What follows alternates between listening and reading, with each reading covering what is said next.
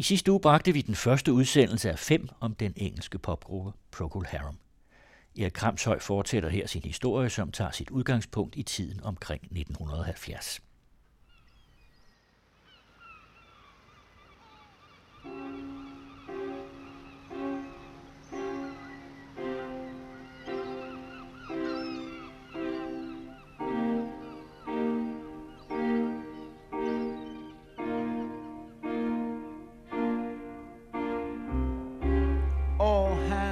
On deck. We've run afloat. I heard the captain cry. Explore the ship. Replace the cook. Let no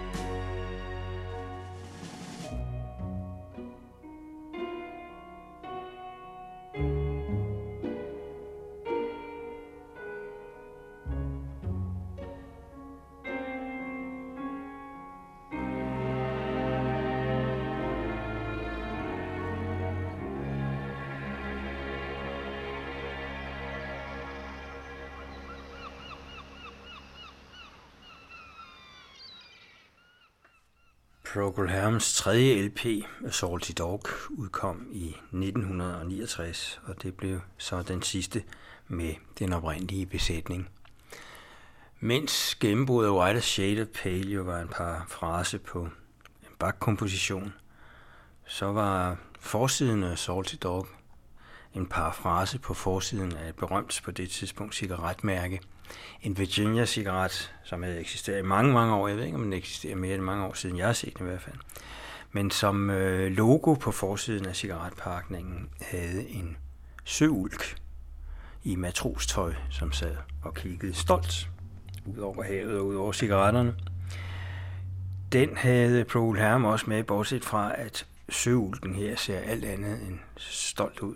Tværtimod ser han ud, som om han lider af akut agorafobi og øh, længes efter alle andre steder end der, han er på det åbne hav. Det siger så også lidt om lyrikken, som sædvanligt er den kryptisk og øh, noget underfundig, men absolut øh, i den tunge ende, også hvad angår det stemningsmættede.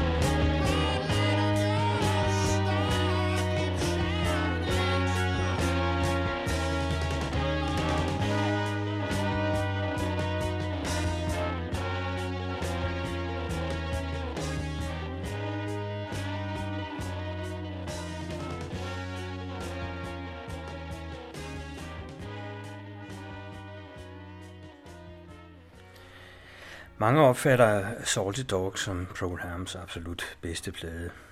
Det kan der være mange lange diskussioner om, og den vil jeg ikke være med til at fremføre her. Jeg er en af dem, der ikke opfatter det som den bedste plade, blandt andet fordi den ikke er særlig homogen. Det er faktisk øh, måske en af de mindst homogene, de har lavet. For det, der sker ved den her plade, det er, at samarbejdet mellem orgel og piano, der er der stadig som måske nok det væsentligste element i gruppen. Men øh, det bliver altså også afløst af andre former for samarbejde, for eksempel samarbejde mellem gitaren og pianoet. På de to foregående plader fra Procol Harms side var det sådan, at gitarristen Robin Trower mere eller mindre var, om ikke udladt, så i hvert fald meget langt i baggrunden af lydbilledet. Og i All This and More, som vi hørte her, der var det Matthew Fisher, organisten, der var mere eller mindre ude af billedet og erstattet med et orkester indimellem, mens at Robin Trower får lidt mere spillerum, end han er vant til. Og det var måske også så en pil fremad, en strømpil fremad, hvad der ville ske med gruppen de næste par år. Der sker nemlig også det, at Robin Trower ikke alene får lov til at komponere en sang, men også får lov til at synge den. Og det er det nummer, der hedder Crucifixion Lane.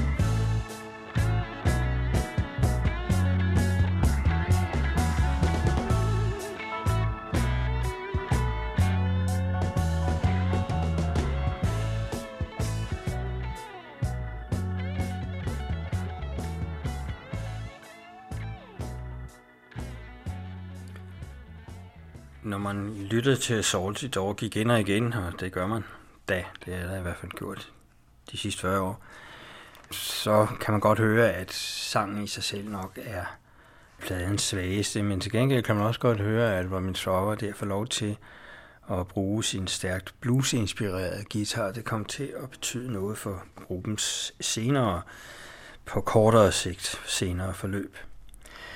Matthew Fisher var temmelig fremtrædende på Salty Dog.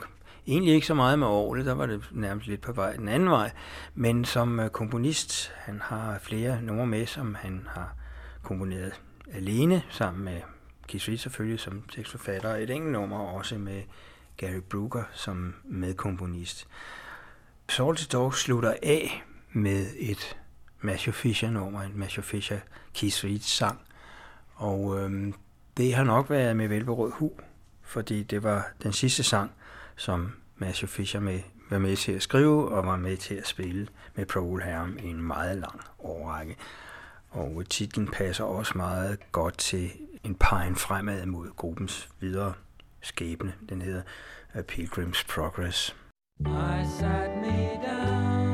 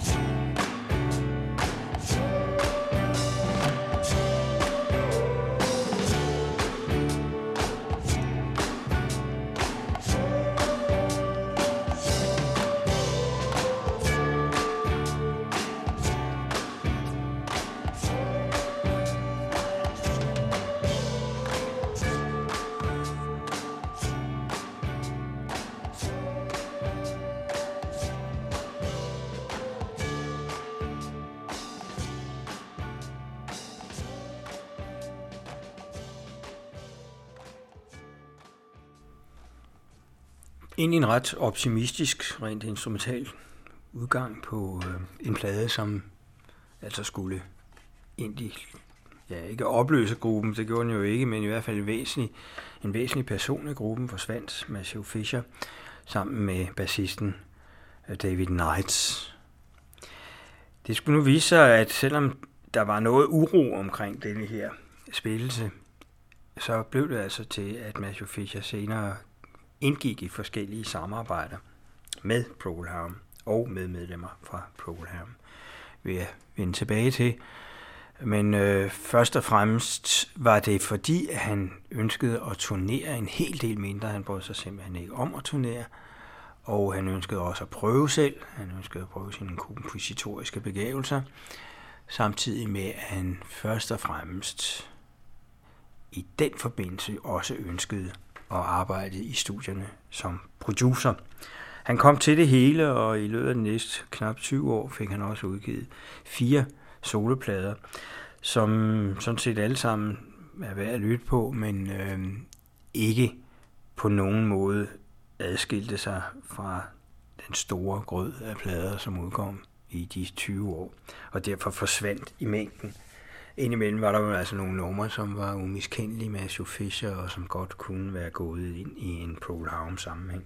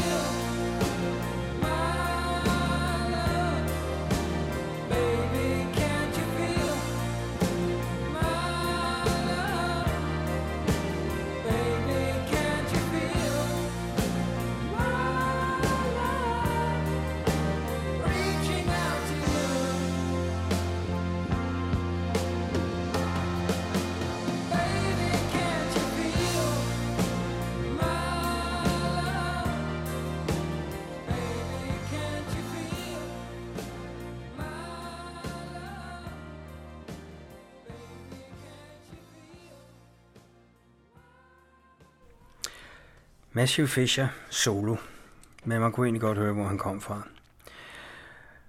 Vi vender tilbage til 1970. Det her var 10 år senere fra en af Fischers solo LP'er.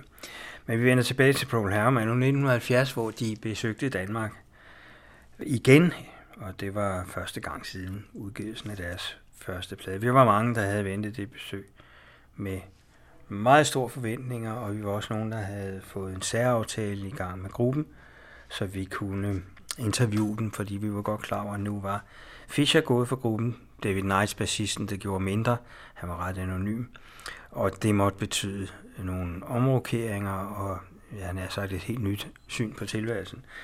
Det var da også en optimistisk øh, kvartet, vi mødte, plus Keith Reese selvfølgelig, som sædvanligt med. Altid med, når gruppen turnerede. Men øh, som optrædende, der var de altså reduceret med en i det, at de havde hyret det gamle Paramounts medlem Chris Cobbin til at spille både bas og orgel. Han kunne altså begge dele øh, i det nye Procol Harum. Han skulle altså erstatte to mand. Det var ikke så let, eftersom at Matthew Fisher var et af kernemedlemmerne i gruppen. Det tog man nu meget roligt. Man havde allerede lavet det næste album, der, der man var i Danmark igen, og det kunne Gary Brooker og Keith Reed der så fortælle den åbne forsamling, at øh, vi kunne være ganske rolige. Det var et øh, Procol Harum album, som øh, vi kunne ønske, det måtte være. my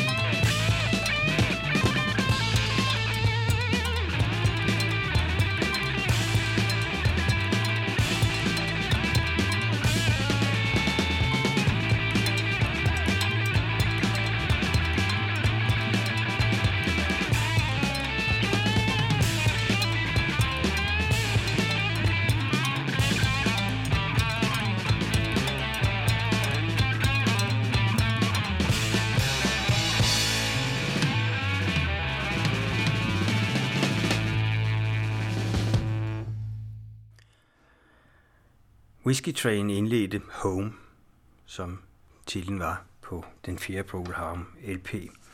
Og man må nok sige, at øh, det der med, de sagde, at når I hører den, så øh, føler I jer ikke fremmedgjort.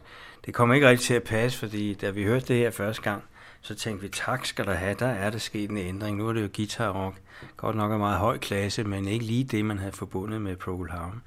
Men det var simpelthen et valg fra gruppens side at give Robin Trower, guitaristen, nogle friheder, som han ikke havde haft før. Så i stedet for at putte et eller andet nummer med hans guitar ind på pladen, så valgte man altså at lade Whiskey Train, skrevet af ham, og Keith Reed selvfølgelig, indlede Home. Jeg kan huske, at vi var tre journalister, som øh, fik audiens hos Paul Ham, ikke fordi det var så svært. Der var som ikke så mange andre journalister, der var interesseret i det, for det var ikke nogen hitgruppe i den forstand på det tidspunkt. Men øhm, de var meget beredvillige til at svare på alle mulige spørgsmål. De tre, det var så Christian Brod Thomsen, og det var Peter Bundgaard, og øh, mig. Og Peter spurgte på et tidspunkt Robin Trower, om han ikke følte sig undervurderet som guitarist, og det indrømmede han, det gjorde. Han, han mente jo nok, at han var noget bedre end det, han fik lov til at vise, men øh, nu var der altså tegn i sol og måne på, at det kunne han så få lov til på Home. Home havde en meget optimistisk øh, forside, den var meget humoristisk med sådan nogle papirklip med de forskellige hoveder og gruppens medlemmer på, som så var øh, produceret ligesom et spil med start og stop og så videre. Det så meget tegneserie sjovt ud, og så kunne man jo også have en idé om, at så måtte øh, Keith Reeds tekstunivers jo være blevet lidt øh, mere optimistisk. Man tog ganske fejl. Det her, vi skal høre nu, det er jo næsten ren Stephen King.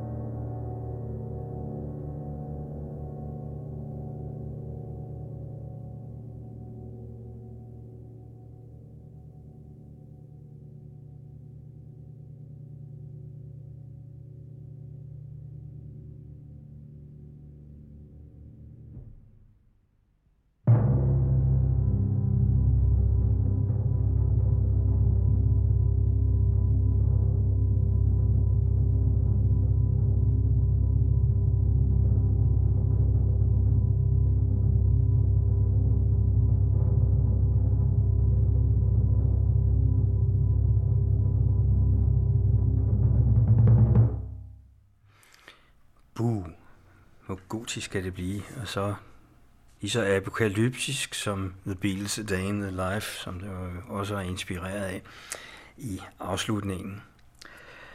Home var altså absolut ikke nogen optimistisk plade, og øh, der er nok i hvert fald to-tre sange mere, der direkte beskæftiger sig med døden på pladen. Så Keith Reed, det følsomme væsen, har jo nok ikke været i voldsomt strålende humør, da han har skrevet sin lyrik til musikken på Home.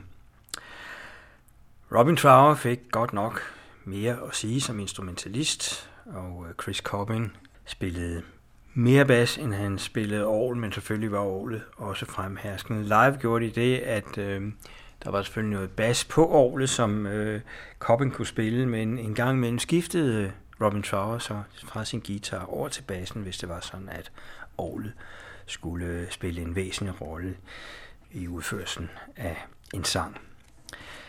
Et af hovednummerne på Home var nok, hvis man skal vælge, Wailing Story, som er lidt længere end de andre, og også lidt sviteagtig og rent arrangementmæssigt, øh, også lidt anderledes end en rocksang almindeligvis var, eller især er, i det der var mange temposkift, og øh, at det ikke nødvendigvis var sådan, at crescendoet blev højere og højere efterhånden, som sangen skred frem.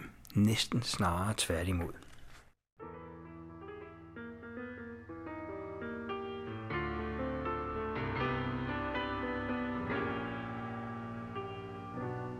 Feeling well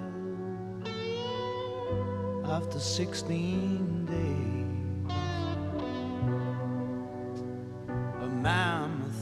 task was set.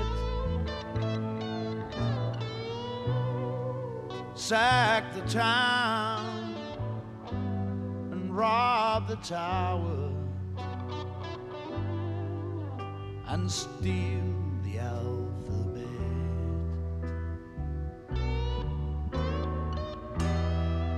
close the door and bar the gate,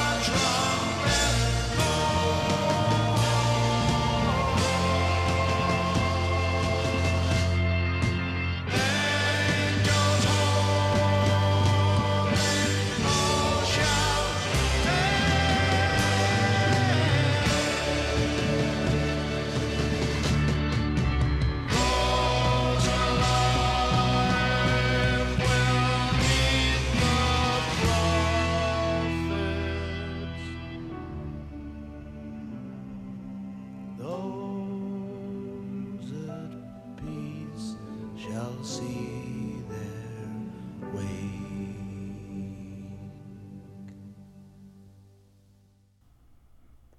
Wailing Stories holder. Det er en sand Procol komposition, En hymne, og ingen Procol LP uden en hymne på et eller andet tidspunkt. Det får mig til at tænke på noget. Der er i hvert fald en udsendelse mere under forberedelse, muligvis to, men øh, det kunne da godt være, at vi kunne udvide det endnu mere, fordi øh, det her er en lang historie, og øh, der findes jo her i landet mange Polhavn-tilhængere, som vel stort set har været deres mening omkring gruppen og gruppens musik gennem tiderne. Den har alligevel eksisteret i temmelig mange år efterhånden. Så øh, hvis øh, vi kan få en diskussion ud af det, kunne jeg forestille mig en øh, ekstra udsendelse på et eller andet tidspunkt, hvor jeg samler kommentarer øh, fra lytterne til øh, et program, eventuelt nogle gæster. Men det kan vi jo vende tilbage til. Der er tid nok at tage.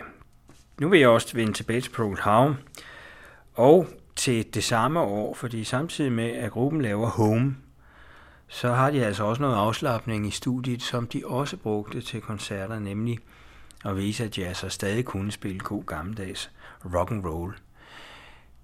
De der jams, de lavede i studiet, blev langt, langt senere udgivet på en CD, hvor de så kaldte sig for Licorice John Death and the All Stars.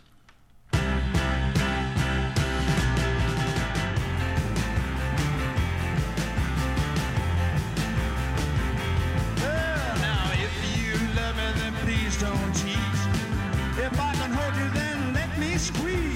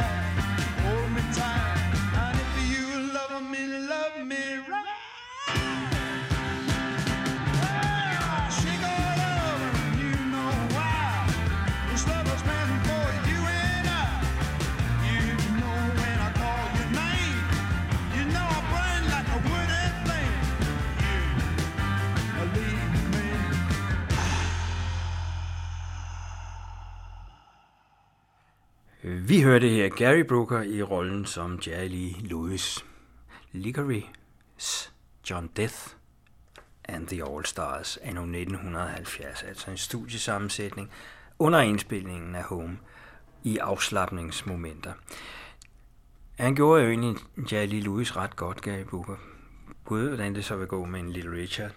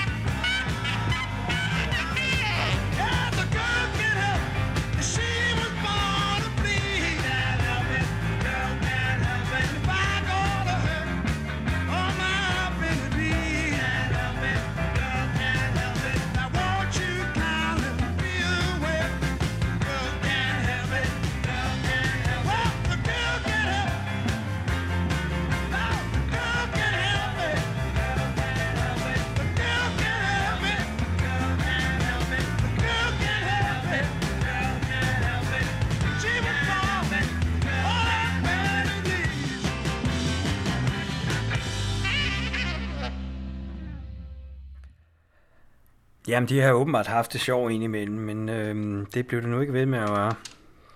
For øh, Robin Trower og resten af Procol Harum fjernede sig mere og mere fra hinanden, og da gruppen ikke så forfærdelig lang tid efter deres andet besøg i 1970 skudt på deres tredje besøg i Danmark, der var der to sektioner. Der var Robin Trowers, det var ham selv, og så var der Gary Brookers, det var resten. De sad end ikke ved samme bord, da der var pressemøde. Men øh, på, på scenen fungerede det fint, men man kunne godt øh, se, at øh, den næste plade, Broken Barricades, ville være den sidste plade, hvor Robin Trower i hvert fald for en lang tid var medlem af Procol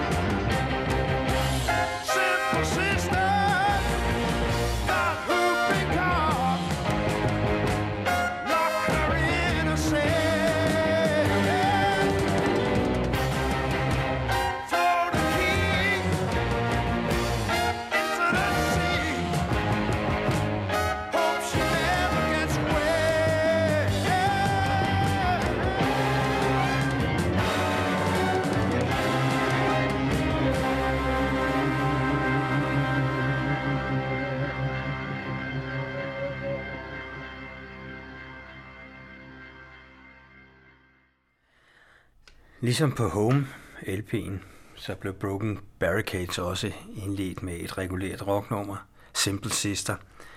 Men det her, det var så Gary Brooker, der havde skrevet musikken, og ikke Robin Trower, som på den foregående.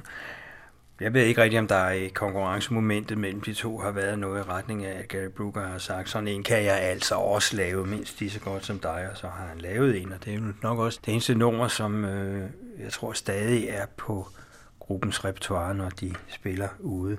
Det eneste nummer fra Broken Barricades.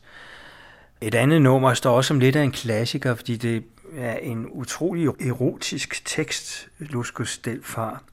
Øhm, så erotisk, så den ligger lige ud over, hvad man er vant til at høre fra rockgrupper i 70'erne. Men før at man øh, skal sætte sig ind og lytte efter ord, som man almindeligvis ikke hører på popsang, medmindre det er rap, så er det altså billedsproget, der er erotisk. Det hele kører i billedsprog.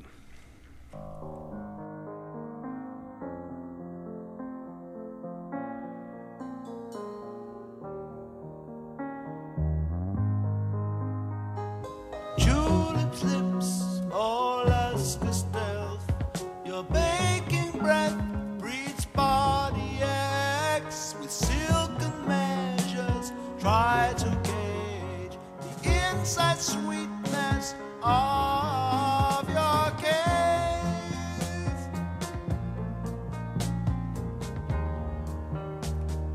Peach preserve your simmering jewel hid away like orphan's gruel. Help me find the widow's crack. Hold my stick like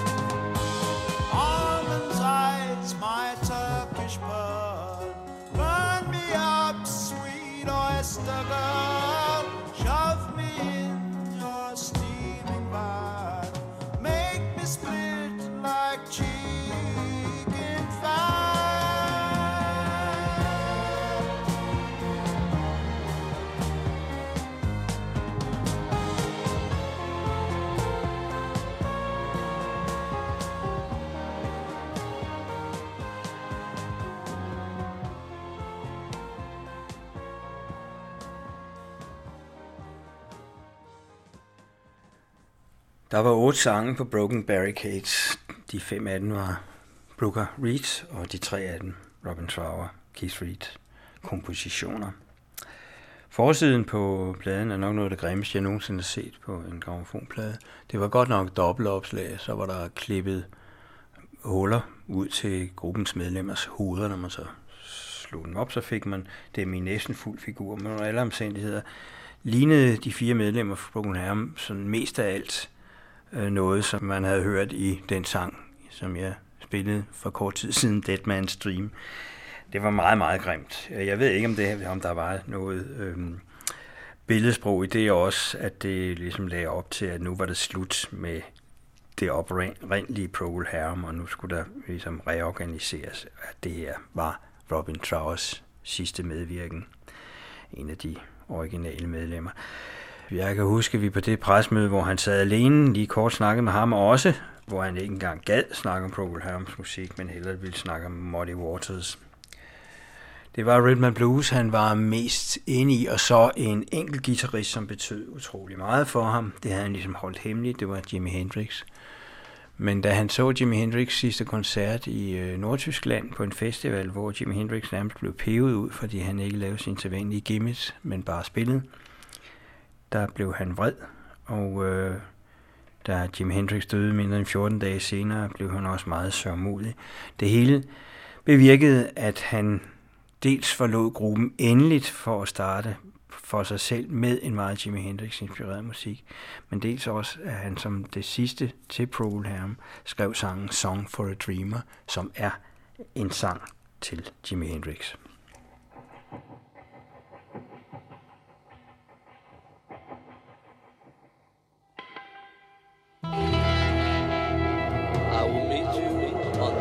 Side of the moon. The doctors say that they must operate soon. But there's no knowing what they'll find when they open up the wound. I will meet you on the other side of the moon.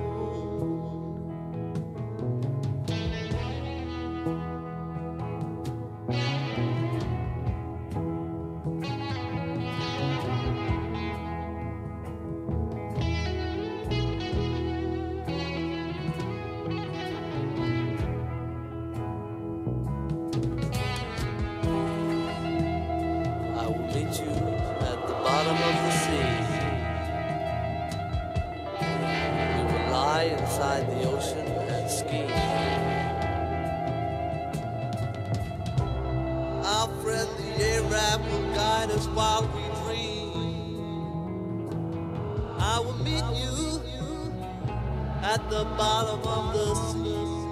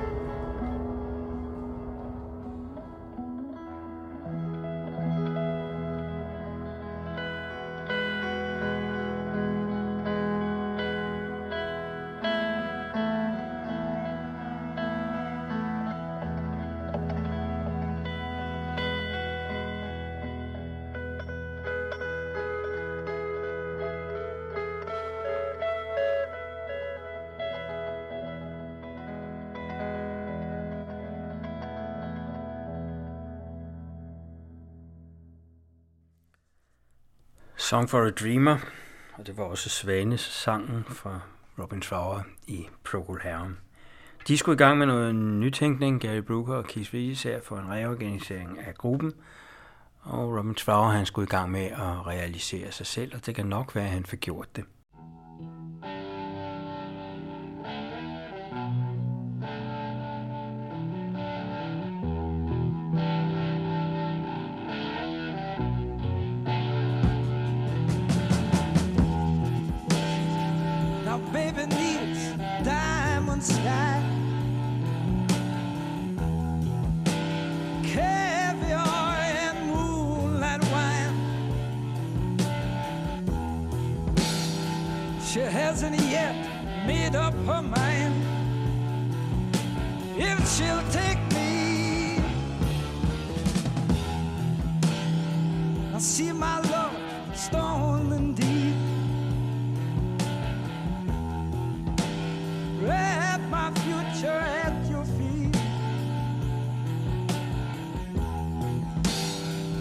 simple life where love is near.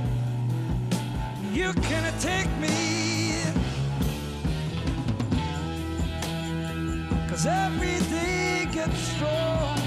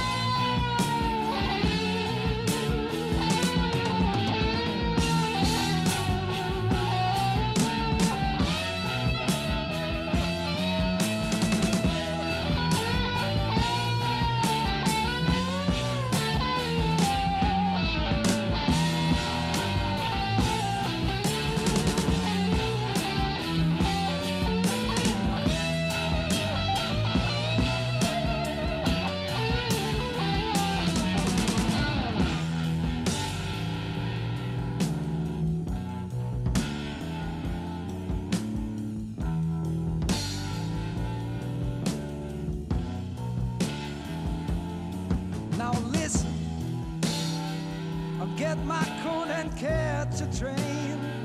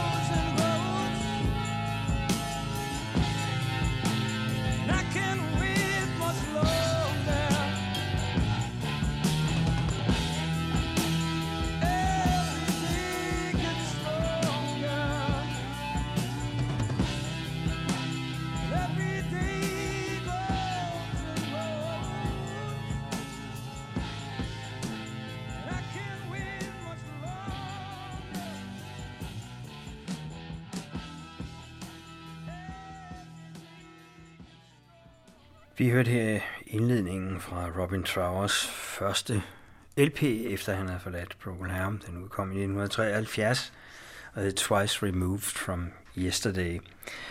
Trower havde så valgt, meget stærkt inspireret af Jimi Hendrix, det kunne man også høre her, på guitarspillet, havde valgt at lave en trio, og han havde hørt trommeslageren Bill Lordan og fundet bassisten fra det nu hedengangne skotske band Stone the Crows, James Stewart, til at være både bassist og vokalist. Vel nok, efter at have fundet ud af, at han simpelthen ikke selv var stærk nok som vokalist til at bære en gruppe. Det var James Stewart. Og så gjorde de det fornuftige, at øh, da Trevor fandt ud af, at han ville ikke kunne lave hitsingler, det var hans musik slet ikke til, så øh, slog han sig ned i USA for at få fat i det publikum, der var interesseret i den form for musik, han spillede. Den meget guitar- og bluesbaserede rockmusik. Og så ellers turnere hæftigt. Og øh, det kom til at gå rigtig godt. Trioen blev kolossalt populær i USA og fik ikke mindre end tre guldplader i løbet af den næste halve snes år. Den første, den hed Bridge of Size, og øh, den bevirkede i øvrigt også, at han var på turné i Danmark.